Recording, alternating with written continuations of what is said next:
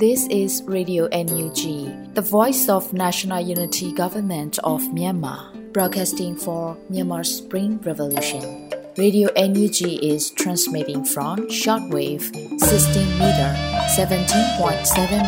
MHz at 8:30 a.m. and 25 meter 11.94 MHz at 8:30 p.m. Myanmar Standard Time. မင်္ဂလာပါရှင်။ မြို့သားညီညွတ်ရေးအစိုးရရဲ့အတန်လွင့်ဌာန Radio NUG ကိုမနက်ပိုင်း၈နာရီခွဲမှာလိုင်းတူ16မီတာ19.89 MHz ၊ညပိုင်း၈နာရီခွဲမှာလိုင်းတူ25မီတာ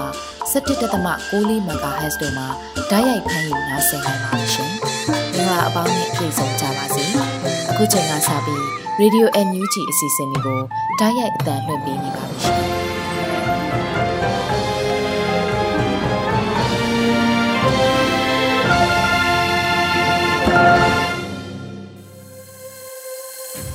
င်္ဂလာပေါင်းနဲ့ပြည့်ဝကြပါစေတောတာရှင်ပေါင်းတို့ခင်ဗျာဒီနေ့ Radio UNUG ရဲ့နိုဝင်ဘာလ29ရက်နေ့ညကင်းပိုင်းတန်လွင့်စီစဉ်များကိုစတင်ဖို့ချိန်ရောက်ပါပြီတောတာရှင်များဥဆုံးအနေနဲ့နားဆင်ရမှာကတော့ပြည်တွင်းသတင်းများအစီအစဉ်ဖြစ်ပါတယ်ရန်နိုင်ကဖတ်ကြားတင်ပြထားပါတယ်ခင်ဗျာ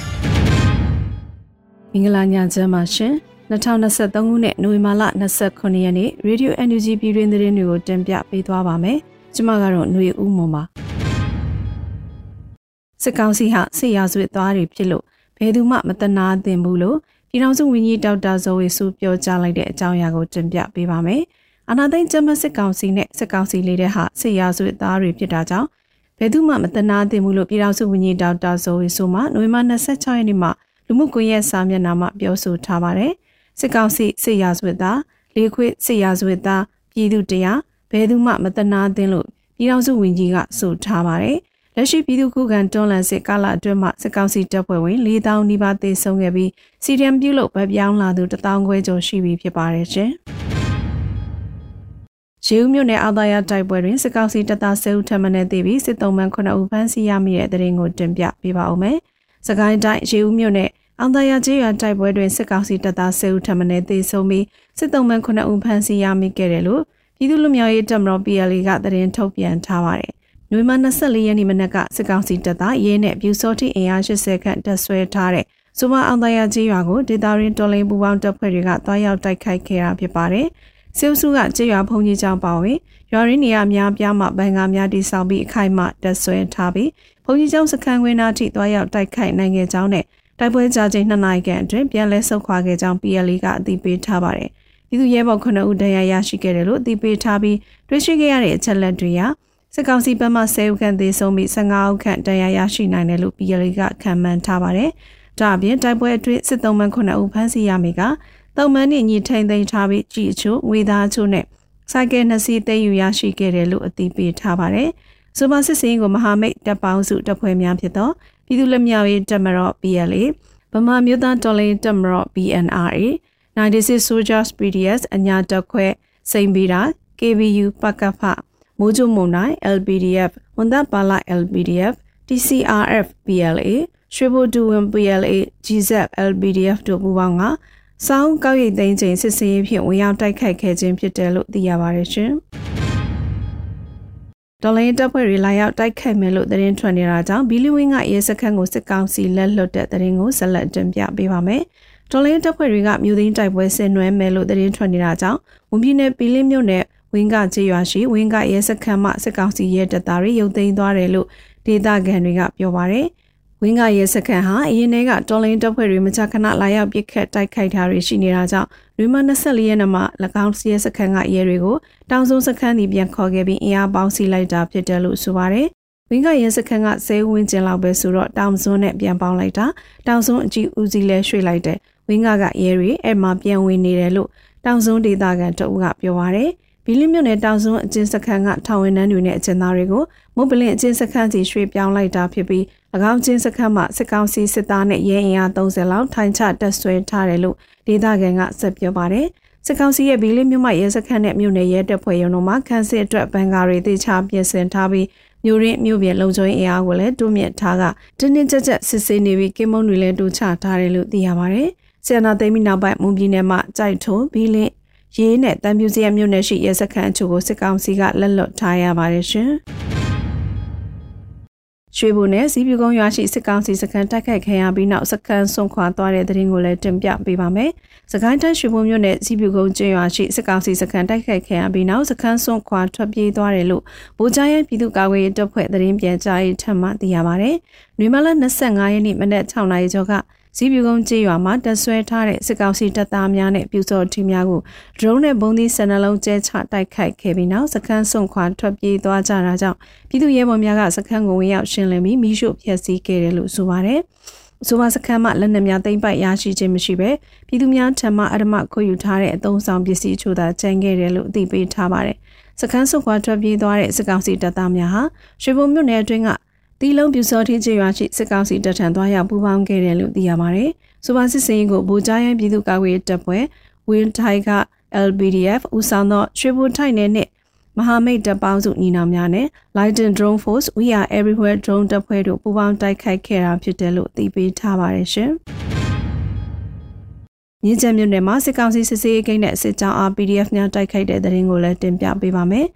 လီတိုင်းမြင်းချမြို့နယ်မှာစစ်ကောင်စီစစ်စေးဂိတ်နဲ့စစ်ကြောင်းကိုမိုင်းဆွဲတိုက်ခိုက်ခဲ့ရာထိခိုက်သေးဆုံးမှုရှိကြောင်းမြင်းချခရိုင်အမှတ်6တရင်တက်ခွဲ1နောင်ရုတ်ထုပြောင်းကြားတက် NYSGF တာဝန်ခံကပြောပါတယ်။ရီမာ26ရက်မနက်9နာရီဝေးကကမြင်းချံမြို့နယ်တလုတ်ကျေးရွာရှိစစ်ကောင်စီစစ်စေးဂိတ်ကိုမိုင်းဆွဲတိုက်ခိုက်ခဲ့ရာတအုပ်သေးဆုံးခဲ့ပြီးလာရောက်စစ်ဆေးတဲ့စစ်ကောင်စီတပ်သားတွေကိုထပ်မံမိုင်းဆွဲတိုက်ခိုက်ခဲ့ရာတအုပ်ထပ်မံသေဆုံးခဲ့ကြောင်း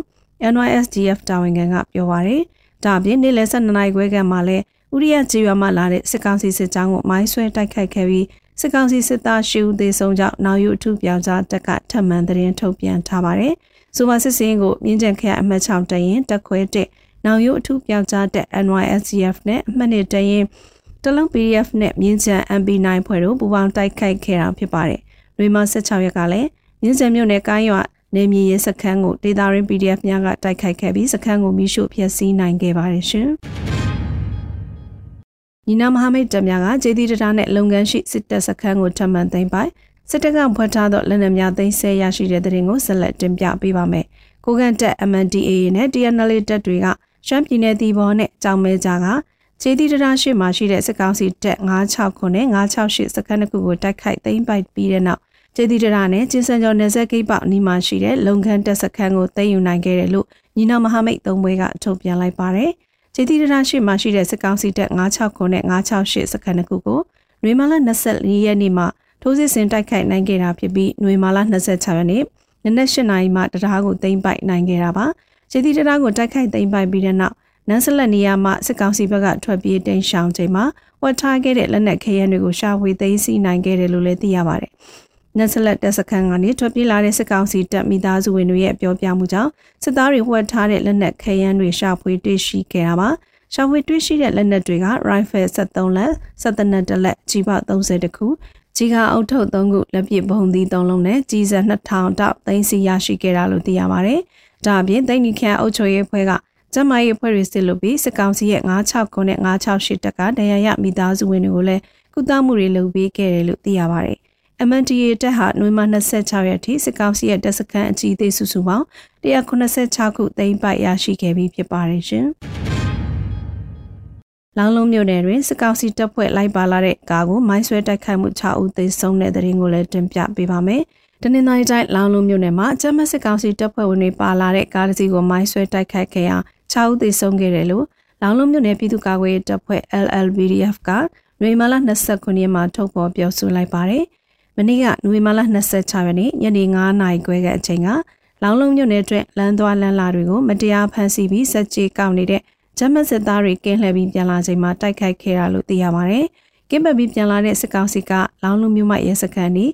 စောင်းကျိုးလမ်းကြားရောက်ချိန်မှာပြည်သားမိုင်းနဲ့မိုင်းဆွဲတိုက်ခိုက်ခဲ့တာလို့ LLBDF ကအသိပေးထားပါတယ်။ဆိုပါမိုင်းဆွဲတိုက်ခတ်မှုကြောင့်ကားပေါ်ပါလာတဲ့စစ်သား6ဦးသေဆုံးပြီး4ဦးအပြင်းထန်ဒဏ်ရာရရှိခဲ့တယ်လို့သိရပါတယ်။ လောင်လုံးမြို့နယ်အတွင်းမှာရှိတဲ့စစ်ကောင်စီတပ်ဖွဲ့ဝင်တွေအနေနဲ့စစ်ကောင်စီလက်အောက်ကနေအမြန်ဆုံးဆွန့်ခွာကြဖို့ဒေသခံပြည်သူတွေအနေနဲ့လည်းစီရေးသတိရှိကြဖို့လောင်လုံးမြို့နယ်ပြည်သူ့ကာကွယ်ရေးတပ်ဖွဲ့ LLPDF ကတိုက်တွန်းထားပါတယ်ရှင်။ခုတင်ပြခဲ့တဲ့သတင်းတွေကို Radio Energy သတင်းတောက်ကိုခန့်နဲ့မင်းစစ်သွေးတို့မှပေးပို့ထားတာဖြစ်ပါတယ်ရှင်။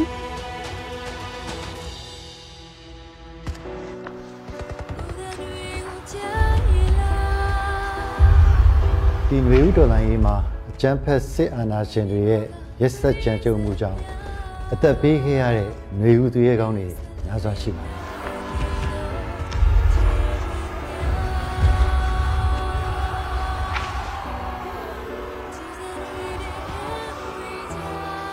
မျိုးတော်လိုက်ရင်မှာကိုယ့်ရဲ့ရှင်သွေးတူဒါမှမဟုတ်မိဘတူဒါမှမဟုတ်ကိုယ့်ရဲ့အိမ်တော်ဘက်တူ ဒါမှမဟုတ်လည်းဆွေမျိုးသားချင်းအစရှိသဖြင့်ဆုံးရှုံးလိုက်ရတဲ့ဒီမိသားစုရဲ့ဆုံးရှုံးမှုဟာဘာနဲ့မှအစားထိုးလို့မရတဲ့ဖြည့်သိမ့်လို့မရတဲ့ဆုံးရှုံးမှုတစ်ခုပါထရီဆာတို့အားလုံးကလည်းဒီဆုံးရှုံးမှုတွေအတွက်စိတ်ထိခိုက်နာခြင်းခံစားကြရတယ်နာကျင်ခံစားနေလို့ပြီးပဲအသက်ပေးခဲ့ကြတဲ့မျိုးသူရဲကောင်းတွေရဲ့မိသားစုတွေအတွက် ဘဝနောင်ရဲ့အဆင်ပြေဖို့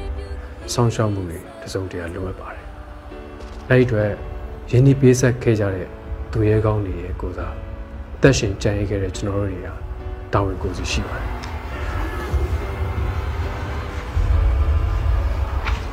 တော်လိုင်းမှာမြင့်မြတ်စွာအသက်ပေးလှူခဲ့ကြတဲ့မျိုးဦးသူရဲကောင်းတွေကိုဂုဏ်ပြုရလဲရောက်တယ်လို့ဒီသူရဲကောင်းတွေရဲ့ကြံရစ်သူမိသားစုတွေအတွက်လည်းတစုံတရာနှစ်သိမ့်မှုပေးရရောက်တယ်လို့ ຫນွေဦးတော်လန်ရင်အောင်မြင်ဖို့အတွက်အထောက်အကူပြုရလဲရောက်တဲ့တို့ຫນွေဦးသူရဲကောင်းများအတွက်ငွေတိုက်စာချုပ်အစီအစဉ်မှာတက်အားသည့်ပါဝင်ပေးကြဖို့အတွက်သူသူဖိတ်ခေါ်ပါရစေရှင်တော်လန်ရဲ့အတွက်အသက်ပေးလူခဲ့တဲ့ຫນွေဦးသူရဲကောင်းတွေကိုရည်စူးပြီးတော့သူတို့ရဲ့ကြံရည်သူမိသားစုတွေအတွက်အထောက်အပံ့တစုံတရာဖြစ်ဖို့တို့ຫນွေဦးသူရဲကောင်းများအတွက်ငွေတိုက်စာချုပ်တွေကိုဝယ်ယူအားပေးရှင်နေဆိုရင်တော့ www.facebook.com/our spring heroes facebook page ကနေတစ်ဆင့်ဒါရိုက်ဝယ်ယူနိုင်ပါတယ်ရှင်။မြေဥတော်လိုင်းရေးမှာမြင့်မြတ်စွာအသက်ပေးခဲ့ကြရတဲ့သူရဲကောင်းတွေရဲ့အမိပါတဲ့ဘွန်စာချုပ်တွေကိုအလူရှင်တွေရဲ့လက်ထဲကိုပေးပို့သွားမှာဖြစ်ပြီးတော့တော်လိုင်းအောင်တဲ့တနေ့ NUG ကဘောင်းငွေတွေပြန်ထုတ်ပေးတဲ့အခါမှာတော့ဒီငွေတွေကိုကျန်ရည်သူမိသားစုတွေရဲ့လက်ထဲရောက်အောင် PPTV နဲ့သက်ဆိုင်ရာတာဝန်ရှိဝန်ကြီးဌာနတွေကတာဝန်ယူပေးပို့ပေးသွားမှာဖြစ်ပါတယ်။အကယ်၍များကျန်ရည်သူမိသားစုတွေနဲ့ဆက်သွယ်မရတာမျိုး စက်ခံမဲ့မိသားစုဝင်တယောက်ယောက်မရှိတော့တာမျိုးဒီလိုကိစ္စမျိုးတွေဖြစ်လာမယ်ဆိုရင်တော့ဒီငွေတွေကိုကြားဆုံးသူရဲကောင်းတွေနဲ့သက်ဆိုင်တဲ့ကိစ္စရပ်တစ်ခုခုမှာထည့်သွင်းအသုံးပြုသွားမှာဖြစ်ပါတယ်။ဒေါ်လာရေးကြီးအပြီးမှာကွက်ကွနေတဲ့အချို့သောမိသားစုဝင်တွေဟာပြန်ဆောင်ကြမှာဖြစ်ပေမဲ့ဘယ်တော့မှပြန်မဆောင်နိုင်တော့တဲ့မိသားစုဝင်တွေရှိနေမှာအသေးကြပါပဲတော်လန်ရေးအတွက်မြင့်မြတ်စွာအသက်ပေးခဲ့ကြတဲ့နေဦးသူရဲကောင်းတွေရဲ့ ကြံရစ်မိသားစုဝင်များကိုသက်ရှင်ကြံရစ်ခဲ့ကြတဲ့ကျွန်တော်တို့အားလုံးကဝိုင်းဝန်းဆောင်ရှောက်အောင်ပါအားလုံးရဲ့တောင်းပါကြီးတော့ပေါ်အောင်ပါ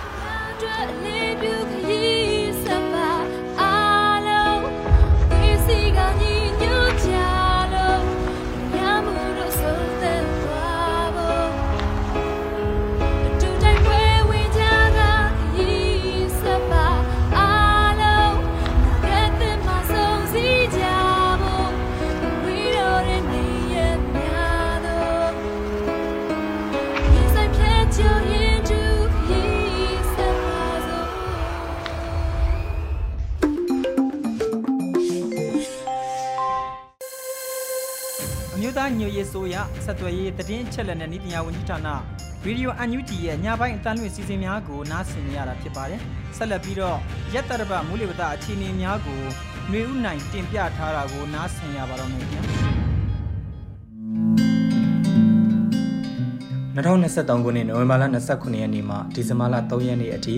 တပတ်အတွင်းမိုးလေဝသအခြေအနေများကိုတင်ပြပေးပါမယ်။ ယခုတစ်ပတ်အတွင်းထူးခြားချက်မှာလာမယ့်ရက်တစ်ပတ်နိုဝင်ဘာလ28 29 30နဲ့ဒီဇင်ဘာ1ရက်2ရက်3ရက်များမှာထိုင်းပင်လေကွေးကိုဖျက်ကျော်လာတယ်။အရှိလီပွေလိုင်းတစ်ခုဟာတနင်္သာရီကမ်းရိုးတန်းကိုဖျက်ကျော်လာနိုင်ပြီးတော့ကပလီပင်လယ်ပြင်မှာလေပြားနဲ့ရက်ဝန်းအဖြစ်အားကောင်းလာနိုင်ပါတယ်။ အဆိုပါလေပြားနဲ့ရက်ဝန်းဟာနိုဝင်ဘာလ29ရက်နေ့မှာမုန်တိုင်းငယ်အဆင့်သို့ရောက်ရှိလာနိုင်ပြီးတော့ကနအူးမှာအနောက်မြောက်ဘက်သို့ဥတီ၍ရှာပြီးပုံမှုအားကောင်းလာကအမီရဆိုင်ကလုန်းမုန်တိုင်းအဖြစ်သို့ရောက်ရှိလာနိုင်ပါတယ်။ဒီဇင်ဘာလ2ရက်3ရက်နေ့များမှာအရှိမြောက်သို့ပြန်ကွေ့လာပြီးတော့ဘင်္ဂလားဒေ့ရှ်ကမ်းခြေသို့ဖြတ်ကျော်ဝင်ရောက်နိုင်ပါတယ်။အဆိုပါလီဝီလိုင်းလေပြားနဲ့ရက်ဝန်မုန်တိုင်းငယ်နဲ့စိုက်ကလုန်းမုန်တိုင်းဖြစ်စဉ်များကြောင့် မြန်မာနိုင်ငံအပေါ်ဓာတ်ရိုက်ပြင်းပြင်းထန်ထန်မထိခိုက်နိုင်ပေမဲ့လေအောက်ပိုင်းအလဲပိုင်းနဲ့အထက်ပိုင်းဒေသများမှာနေရာကွက်ကြားမှနေရာစိတ်စိတ်မိုးထစ်ချုံရွာနိုင်ပြီးတော့ချင်းပြည်နယ်စကိုင်းတိုင်းနဲ့ကချင်ပြည်နယ်တို့မှာဒီဇင်ဘာလ3ရက်နေ့မှာနေရာကွက်ပြီးမိုးကြီးနိုင်ကြောင်းသိရှိလိုပါတယ်။မြန်မာနိုင်ငံအလဲပိုင်းနဲ့အထက်ပိုင်းတို့မှာမုန်တိုင်းကမ်းသို့ဖြတ်ကျော်ပြီးတဲ့နောက်ညအပူချိန်များတိတိတသာကျဆင်းပြီးအေးလာနိုင်ကမနက်ပိုင်းမှာမြူထူများလည်းထူထပ်စွာကျဆင်းလာနိုင်ပါတယ်။ နေ့အလိုက်တပတ်စာမိုးလေဝသအခြေအနေများကိုလည်းဆက်လက်တင်ပြပေးတော့ပါမယ်။နိုဝင်ဘာလ29ရက်နေ့အတွက်မိုးလေဝသခန့်မှန်းချက်တွေကတော့မြန်မာနိုင်ငံအထက်ပိုင်းနဲ့အလဲပိုင်းတို့မှာအရှိအရှိတောင်လေများတိုက်ခတ်လာနိုင်ပြီးတော့တောင်ပိုင်းမှာအရှိလေများတိုက်ခတ်နေနိုင်ပါတယ်။ဆောင်းမုန်တုံအခြေအနေမှာမြန်မာနိုင်ငံအထက်ပိုင်းနဲ့အလဲပိုင်းတို့မှာညအပူချိန်များဆက်လက်အေးလာနိုင်ပါတယ်။မနက်ပိုင်းမှာမြူထူများလည်းကျဆင်းလာနိုင်ပါတယ်။ဘင်္ဂလားပင်လယ်အော်အခြေအနေမှာထိုင်းပင်လယ်ကွေးမှာအရှိလေပွေလှိုင်းဟာ တနင်္သာရီကမ်းရိုးတန်းကိုဖျက်ကျော်လျက်ကပ်ပလီပင်လယ်ပြင်သို့လေပြင်းနဲ့ရက်ဝန်းအဖြစ်နဲ့ရောက်ရှိနိုင်ပါတယ်။ဘင်္ဂလားပင်လယ်အော်နဲ့ကပ်ပလီပင်လယ်ပြင်တို့မှာတိမ်အထင်တင်မှတိမ်ထူထပ်နိုင်ပါတယ်။မိုးအခြေအနေမှာတနင်္သာရီတိုင်းနဲ့မွန်ပြည်နယ်တို့မှာနေရာကွက်ကြားမိုးထစ်ချုံရွာနိုင်ပြီးတော့ကြမ်းဒေသများမှာတိမ်အထင်တင်ဖြစ်ထွန်းနိုင်ပါတယ်။ရခိုင်ကမ်းရိုးတန်းဘက်မှာတောင်အရှိတောင်ဘက်မှလေဟာတနအီကို9မိုင်မှ10မိုင်ခန့်တိုက်ခတ်နိုင်ပြီးတော့လိုင်းအထင်တင်ရှိနိုင်ပါတယ်။မော်ဒမာကွေးနဲ့တနင်္သာရီကမ်းရိုးတန်းဘက်မှာ မိုးသက်လေပြင်းနဲ့အတူအရှိအရှိတောင်ဘက်မှလေဟာတနအီကိုမိုင်20မှ25မိုင်ခန့်အထိတိုက်ခတ်နိုင်ပြီးတော့လိုင်းအသင်တင်မှလိုင်းကြီးနိုင်ပါတယ်။နိုဝင်ဘာလ28ရက်နေ့အတွက်ခံမှန်းချက်တွေကတော့မြန်မာနိုင်ငံအထက်ပိုင်းနဲ့အလယ်ပိုင်းတို့မှာအရှိအရှိတောင်လေများတိုက်ခတ်လာနိုင်ပြီးတော့တောင်ပိုင်းမှာအရှိလေများတိုက်ခတ်နေနိုင်ပါတယ်။ဆောင်းမုန်တုံအခြေအနေမှာမြန်မာနိုင်ငံအထက်ပိုင်းနဲ့အလယ်ပိုင်းတို့မှာညအပူချိန်များဆက်လက်အေးလာနိုင်ပါတယ်။မနက်ပိုင်းမှာမြူထူများလည်းကျဆင်းလာနိုင်ပါတယ်။ ဘင်္ဂလားပင်လယ်အော်အခြေအနေမှာကပ်ပလီပင်လယ်ပြင်သို့ရောက်ရှိလာတဲ့လေဘီယာနဲ့ရက်ဝန်းဟာဆက်လက်အားကောင်းလာနိုင်ပါတယ်။ဘင်္ဂလားပင်လယ်အော်နဲ့ကပ်ပလီပင်လယ်ပြင်တို့မှာတိမ်အထင်တင်မှတိမ်ထူထပ်နိုင်ပါတယ်။မိုးအခြေအနေမှာတနင်္သာရီတိုင်းမွန်ပြည်နယ်ရန်ကုန်တိုင်းနဲ့အေရဝတီတိုင်းတို့မှာနေရာကွက်ကြားမှုထစ်ချုံရွာနိုင်ပြီးတော့ကြံဒေသများမှာတိမ်အထင်တင်ဖြစ်ထွန်းနိုင်ပါတယ်။ရခိုင်ကမ်းရိုးတန်းဘက်မှာတောင်အရှိတောင်ဘက်မှလေဟာတနအီကို9မိုင်မှာ10မိုင်ကန်တိုက်ခတ်နိုင်ပြီးတော့လိုင်းအထင်တင်ရှိနိုင်ပါတယ်။ မော်ဒမာကွေးနဲ့တနင်္သာရီကမ်းရိုးတန်းဘက်မှာမိုးသက်လေပြင်းနဲ့အတူအရှိအရှိတောင်ဘက်မှလေဟာတနအီကိုမိုင်20မှ25မိုင်ခန့်အထိတိုက်ခတ်နိုင်ပြီးတော့လိုင်းအသင်တင်မှလိုင်းကြီးနိုင်ပါတယ်။နိုဝင်ဘာလ29ရက်နေ့အတွက်မိုးလေဝသခန့်မှန်းချက်တွေကိုဆက်လက်တင်ပြပေးပါမယ်။မြန်မာနိုင်ငံအထက်ပိုင်းနဲ့အလယ်ပိုင်းတို့မှာတောင်အရှိတောင်လေများတိုက်ခတ်လာနိုင်ပြီးတောင်ပိုင်းမှာအရှိတောင်လေများတိုက်ခတ်နေနိုင်ပါတယ်။ဆောင်းမိုးတုံအခြေအနေမှာမြန်မာနိုင်ငံအထက်ပိုင်းနဲ့အလယ်ပိုင်းတို့မှာညအပူချိန်များပြန်တက်လာနိုင်ပြီးတော့ အေးတက်တာလာနိုင်ပါတယ်။မနက်ပိုင်းမှာမြူထူများဆက်လက်ကျဆင်းလာနိုင်ပါတယ်။ဘင်္ဂလားပင်လယ်အော်ခြေနေမှာကက်ပလီပင်လယ်ပြင်မှလေဗီယာနဲ့ရက်ဝန်းဟာပုံမအားကောင်းလာပြီးတော့ဘင်္ဂလားပင်လယ်အော်အရှိတောင်ပိုင်းမှာမုန်တိုင်းငယ်အဖြစ်ရောက်ရှိလာနိုင်ပါတယ်။ကနအူးမှာအဆိုပါမုန်တိုင်းငယ်ဟာအနောက်မြောက်ဘက်စီသို့ဥတီရွေ့ရှားနိုင်ပါတယ်။ဘင်္ဂလားပင်လယ်အော်နဲ့ကက်ပလီပင်လယ်ပြင်တို့မှာတိမ်အထင်တင်မှတိမ်ထူထပ်နိုင်ပါတယ်။မိုးချီနေမှာ ရခိုင်ပြည်နယ်ရန်ကုန်တိုင်းအေရဝတီတိုင်းနဲ့ပဲခူးတိုင်းတို့မှာနေရာကွက်ကြားမိုးထစ်ချုံရွာနိုင်ပြီးတော့ကြံဒေသများမှာတိမ်အထင်တင်ဖြစ်ထွန်းနိုင်ပါတယ်။ရခိုင်ကမ်းရိုးတန်းဘက်မှာတောင်ရှိတောင်ဘက်မှလေယာတနအီကို9မိုင်မှ10မိုင်ခန့်တိုက်ခတ်နိုင်ပြီးတော့လိုင်းအထင်တင်ရှိနိုင်ပါတယ်။မုတ်တမကွေးနဲ့တနင်္သာရီကမ်းရိုးတန်းဘက်မှာမိုးသက်လေပြင်းတဲ့အတူအရှိအရှိတောင်ဘက်မှလေဟာတနအီကို -30 မှ25မိုင်ခန့်အထိတိုက်ခတ်နိုင်ပြီးတော့လိုင်းအထင်တင်မှလိုင်းကြီးနိုင်ပါတယ်။ နိုဝင်ဘာလ30ရက်နေ့အတွက်ခံမှန်းချက်တွေကတော့မြန်မာနိုင်ငံအထက်ပိုင်းနဲ့အလဲပိုင်းတို့မှာတောင်အရှိတောင်လေများတိုက်ခတ်လာနိုင်ပြီးတောင်ပိုင်းမှာအရှိတောင်လေများတိုက်ခတ်နေနိုင်ပါတယ်။ဆောင်းမုတ်တုံအခြေအနေမှာမြန်မာနိုင်ငံအထက်ပိုင်းနဲ့အလဲပိုင်းတို့မှာညအပူချိန်များပြန်တက်လာနိုင်ပြီးတော့အေးတက်တာလာနိုင်ပါတယ်။မနက်ပိုင်းမှာမြူထူများဆက်လက်ကျဆင်းလာနိုင်ပါတယ်။ဘင်္ဂလားပင်လယ်အော်အခြေအနေမှာဘင်္ဂလားပင်လယ်အော်အလဲပိုင်းမှာမုန်တိုင်းငယ်ဟာဆက်လက်အားကောင်းလာနိုင်ပြီးတော့အမီရမုန်တိုင်းအဆင့်သို့ရောက်ရှိလာနိုင်ပါတယ်။ အဆိုပါမုန်တိုင်းဟာအနောက်မြောက်ဘက်စီသို့ဥတီရွေ့ရှားရာမှအရှေ့မြောက်ဘက်သို့ပြန်ကွေ့ပြီးတော့ဘင်္ဂလားဒေ့ရှ်နိုင်ငံသို့ဥတီဝင်ရောက်နိုင်ပါတယ်။ဘင်္ဂလားပင်လယ်အော်နဲ့ကပ်ပလီပင်လယ်ပြင်တို့မှာတိမ်အသင်းတင်းမှတိမ်ထူထပ်နိုင်ပါတယ်။မိုးချီနေမှာရခိုင်ပြည်နယ်ရန်ကုန်တိုင်းအေရဝတီတိုင်းပဲခူးတိုင်းနဲ့နေပြည်တော်တို့မှာနေရာကွက်ကြားမိုးထစ်ချုံရွာနိုင်ပြီးတော့ကြံဒေသများမှာတိမ်အသင်းတင်းဖြစ်ထွန်းနိုင်ပါတယ်။ရခိုင်ကမ်းရိုးတန်းဘက်မှာတောင်အရှိတောင်ဘက်မှလီဟာ တနအီကို10မိုင်မှ15မိုင်ခန့်တိုက်ခတ်နိုင်ပြီးတော့လိုင်းအသင်းတင်ရှိနိုင်ပါတယ်။မြဝကျွန်းပေါ်မုဒ္ဓမကွေနဲ့တနင်္သာရီကမ်းရိုးတန်းဘက်မှာမိုးသက်လေပြင်းတဲ့အတူအရှိအရှိတောင်ဘက်မှလီဟာတနအီကို -30 မှ25မိုင်ခန့်အထိတိုက်ခတ်နိုင်ပြီးတော့လိုင်းအသင်းတင်မှလိုင်းကြီးနိုင်ပါတယ်။ဒီဇင်ဘာလ၁ရက်နေ့အတွက်မိုးလေဝသခန့်မှန်းချက်တွေကိုဆက်လက်တင်ပြပေးပါမယ်။မြန်မာနိုင်ငံအထက်ပိုင်းနဲ့အလဲပိုင်းတို့မှာတောင်အရှိတောင်လေးများတိုက်ခတ်လာနိုင်ပြီးတော့တောင်ပိုင်းမှာ အရှိတောင်လေးများတိုက်ခတ်နေနိုင်ပါတယ်။ဆောင်းမုတ်တုံအခြေအနေမှာမြန်မာနိုင်ငံအထက်ပိုင်းနဲ့အလဲပိုင်းတို့မှာညအပူချိန်များပြန်တက်လာနိုင်ပြီးတော့အေးအေးတက်တာလာနိုင်ပါတယ်။ဘင်္ဂလားပင်လယ်အော်အခြေအနေမှာဘင်္ဂလားပင်လယ်အော်အလဲပိုင်းမှာစိုက်ကလုန်းမုန်တိုင်းဟာဆက်လက်အားကောင်းနိုင်ပါတယ်။အဆိုပါမုန်တိုင်းဟာအနောက်မြောက်ဘက်စီသို့ဥတီရွေ့ရှားရာမှာအရှေ့မြောက်ဘက်သို့ပြန်ကွေ့ပြီးတော့ဘင်္ဂလားဒေ့ရှ်နိုင်ငံသို့ဥတီဝင်ရောက်နိုင်ပါတယ်။ဘင်္ဂလားပင်လယ်အော်နဲ့ကပ်ပလီပင်လယ်ပြင်တို့မှာတင်အထင်တင်မှတင်ထူထပ်နိုင်ပါတယ်။ မိုးအခြေအနေမှာရခိုင်ပြည်နယ်ရန်ကုန်တိုင်းအေရဝတီတိုင်းပဲခူးတိုင်းနေပြည်တော်နဲ့ရှမ်းပြည်နယ်တောင်ပိုင်းတို့မှာနေရာကွက်ကြားမှနေရာကျဲကျဲမိုးထစ်ချုံရွာနိုင်ပြီးတော့ကြံဒေသများမှာတင်အထင်တင်ဖြစ်ထွန်းနိုင်ပါတယ်။ရခိုင်ကမ်းရိုးတန်းဘက်မှာတောင်အရှိတောင်ဘက်မှလီယာတနအီကို15မိုင်မှ -30 ခန့်တိုက်ခတ်နိုင်ပြီးတော့လိုင်းအထင်တင်မှလိုင်းကြီးနိုင်ပါတယ်။မြဝကျွန်းပေါ်မௌဒမကွေးနဲ့တနင်္သာရီကမ်းရိုးတန်းဘက်မှာမိုးသက်လေပြင်းနဲ့အတူအရှိအရှိတောင်ဘက်မှလေဟာတနအီကို -30 မှ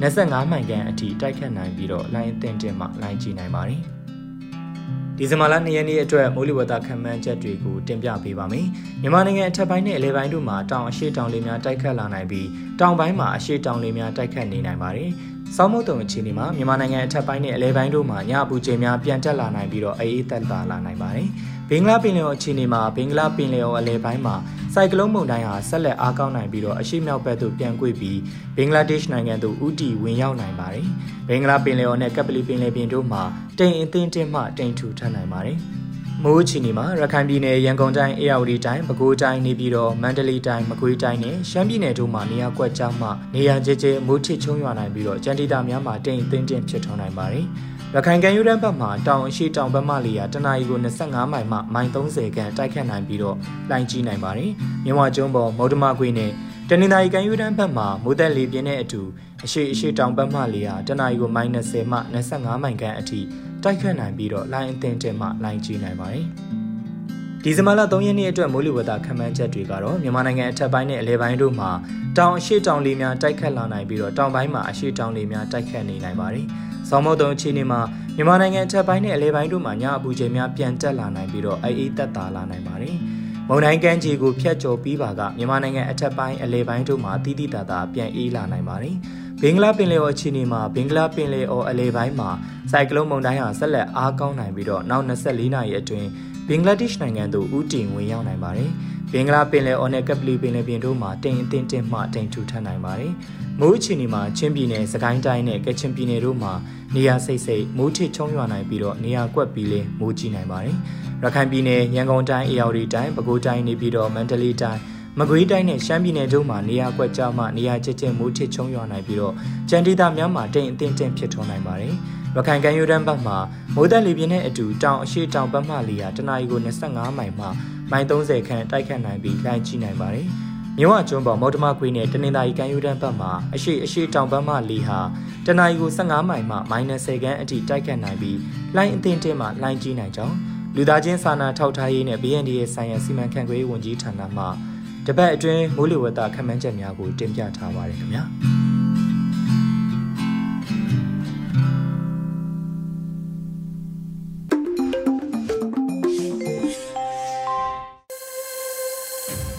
UNUG ရဲ့နိုဝင်ဘာလ29ရက်နေ့ညပိုင်းအတန်လွင့်စီစဉ်နောက်ဆုံးအစီအစဉ်အနေနဲ့အခုတခါတိုင်းရင်းသားဘာသာထုတ်လွှင့်မှုစီစဉ်ဖြစ်ပါတယ်။စကောကရင်ဘာသာနဲ့အပတ်စဉ်သတင်းများကိုတော့နော်နွေဥပွင့်ကဖတ်ကြားတင်ပြပါတော့မယ်။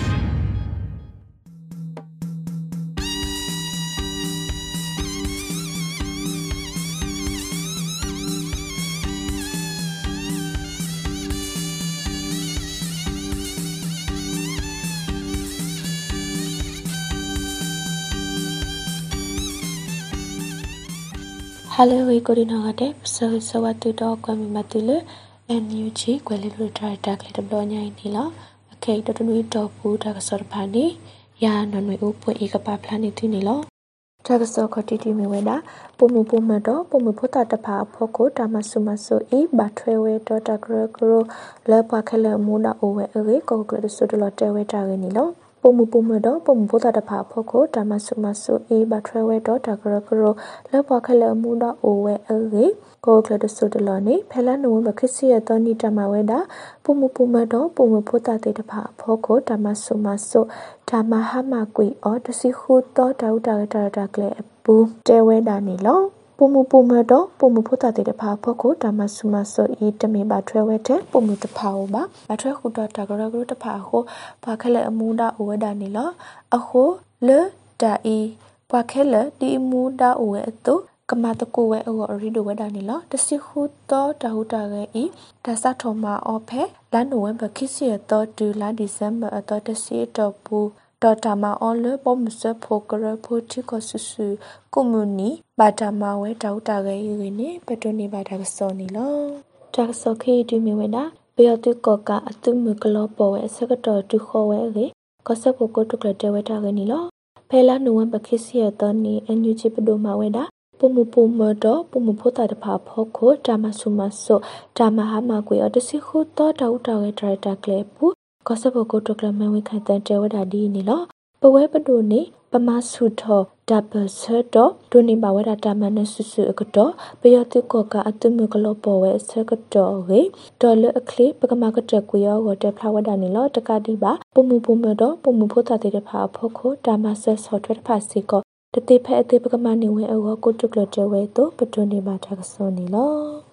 ဒါကဆောဆုမယတူမီဝဲနာနွေဦးစေတဒါဘလစေပနီတာကတမအေဒါဆာလောအောနေလီဝဲခောစီခောဖော်တလွေမလကရတာရင်းနီလောနွေဦးစေတဒါဘလစေပနီတာကတမအေဒါဆာလောအောနေလီဝဲဒါလီ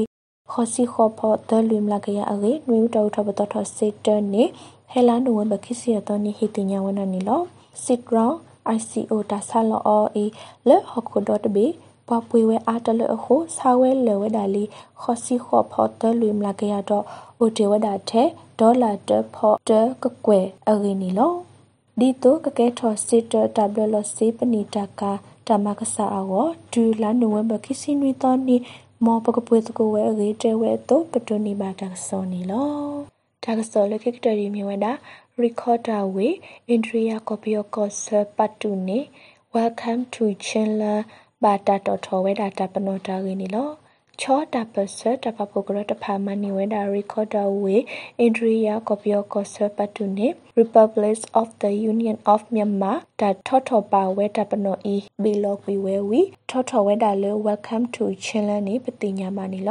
ni lo recorder way တီအိုတီကလိုကပါပယောတူဒဲလပတူခိခါဖဲပူပူလာနုဝဘတစီတတော်နီနေချောတာတော့တတပါဖိုကရတဖာလက်ဒူမနီဝဲတော့ခိနီဝဲတာဝေနီလောမနီဝဲဝီဝီအလခိလခိတတော်နေချောတော့ကလူအနော်တရအေထူထော်ဝဲဝီတာဘီတာဘတော့တာမရှဲလဲဟော့ခိုလောကောတာဖိတာမတဖာတာမရှဲမီပိုတာဖိတာမတဖာမဝဲဝီပဖိုတာတော့ CNF CNA တော့ဟွာငို people organization HPO တဖာဝီကမ္လတာပစတာဖိတာမတဖာစာထောဖိမဝဲအေဖဲလာနိုဝမ်ဘာခိစီခိတောနီထူထောဝဲတော့ပတိုနီဘာတာစောနီလော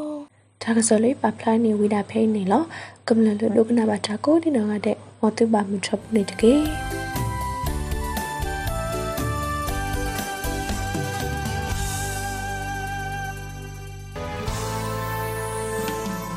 တောတာရှင်များခင်ဗျာ အခုနားဆင်နေကြတဲ့ Radio UNG ရဲ့အစီအစဉ်တွေကို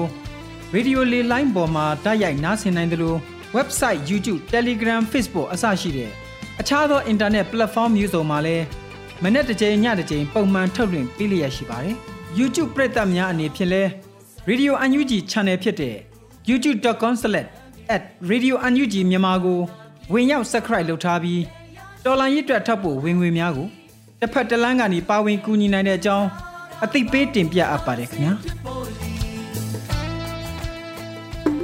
ဒီကနေ့ကတော့ဒီညနဲ့ပဲ Radio NUG ရဲ့အစီအစဉ်လေးကိုခਿੱတရနာလိုက်ပါမယ်ရှင်မြန်မာစံတော်ချိန်မနက်၈နာရီခွဲနဲ့ည၈နာရီခွဲအချိန်တွေမှာပြန်လည်ဆုံတွေ့ကြပါစို့ Radio NUG ကိုမနက်ပိုင်း၈နာရီခွဲမှာလိုင်းတူ16မီတာ19.8 MHz ညပိုင်း၈နာရီခွဲမှာလိုင်းတူ25မီတာ17.6 MHz တို့မှာဓာတ်ရိုက်ဖမ်းလို့နား ဆင်နိုင်ပါပြီ။မြန်မာနိုင်ငံသူနိုင်ငံသားတွေကိုစိတ်နှပြကျန်းမာချမ်းသာလို့ဘေးကင်းလုံခြုံကြပါစေလို့ Radio NUG အဖွဲ့သူဖေသားတွေကဆုတောင်းမြတ်တာပို့နေပါတယ်ရှင်။မြေသားညီမတွေအစိုးရရဲ့စက်တော်ရင်သတင်းအချက်အလက်တွေပညာဝန်ကြီးဌာနကထုတ်လွှင့်နေတဲ့ Radio NUG ဖြစ်ပါတယ်။ San Francisco Bay Area အခြေစိုက်မြန်မာမိသားစုတွေနဲ့နိုင်ငံတကာကစေတနာရှင်တို့အားပေးနေတဲ့ Radio NUG ဖြစ်ပါတယ်။အရေးတော်ပုံအောင်ရမည်